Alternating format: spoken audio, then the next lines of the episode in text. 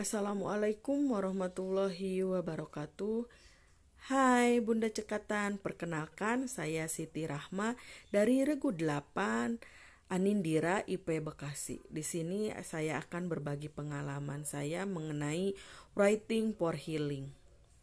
Saya e, menulis sebuah buku antologi yang menceritakan tentang kepergian anak pertama saya di buku antologi saya menceritakan dari awal mula anak saya didiagnosa e, penyakit langka e, di Indonesia sampai akhirnya e, dia meninggal dunia.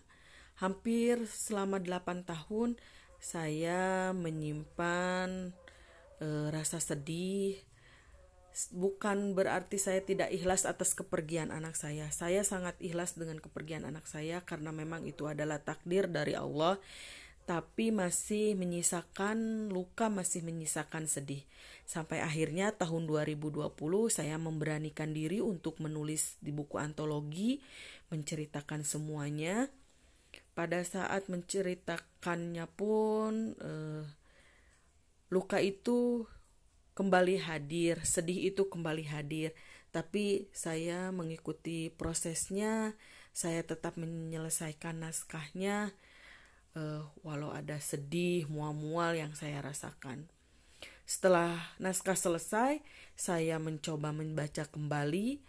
Uh, setelah membaca, ada perasaan lega, ada perasaan plong. Uh, dan setelah itu saya mulai bisa berdamai dengan diri saya. Ketika ada orang yang bertanya tentang uh, meninggalnya anak saya, saya sekarang udah bisa menjelaskannya tanpa ada rasa uh, sesak di dada. Saya udah mulai uh, bisa berdamai dengan diri saya sendiri. Uh, untuk teman-teman yang mempunyai kesedihan, yang mempunyai luka di masa lalu, uh, mulai menulislah, uh, ikuti prosesnya sampai nanti akhirnya kita bisa merasakan apa yang kita tulis itu menjadi uh, penyembuhan buat diri kita. Uh, terima kasih banyak untuk perhatiannya. Mohon maaf apabila ada kekurangan.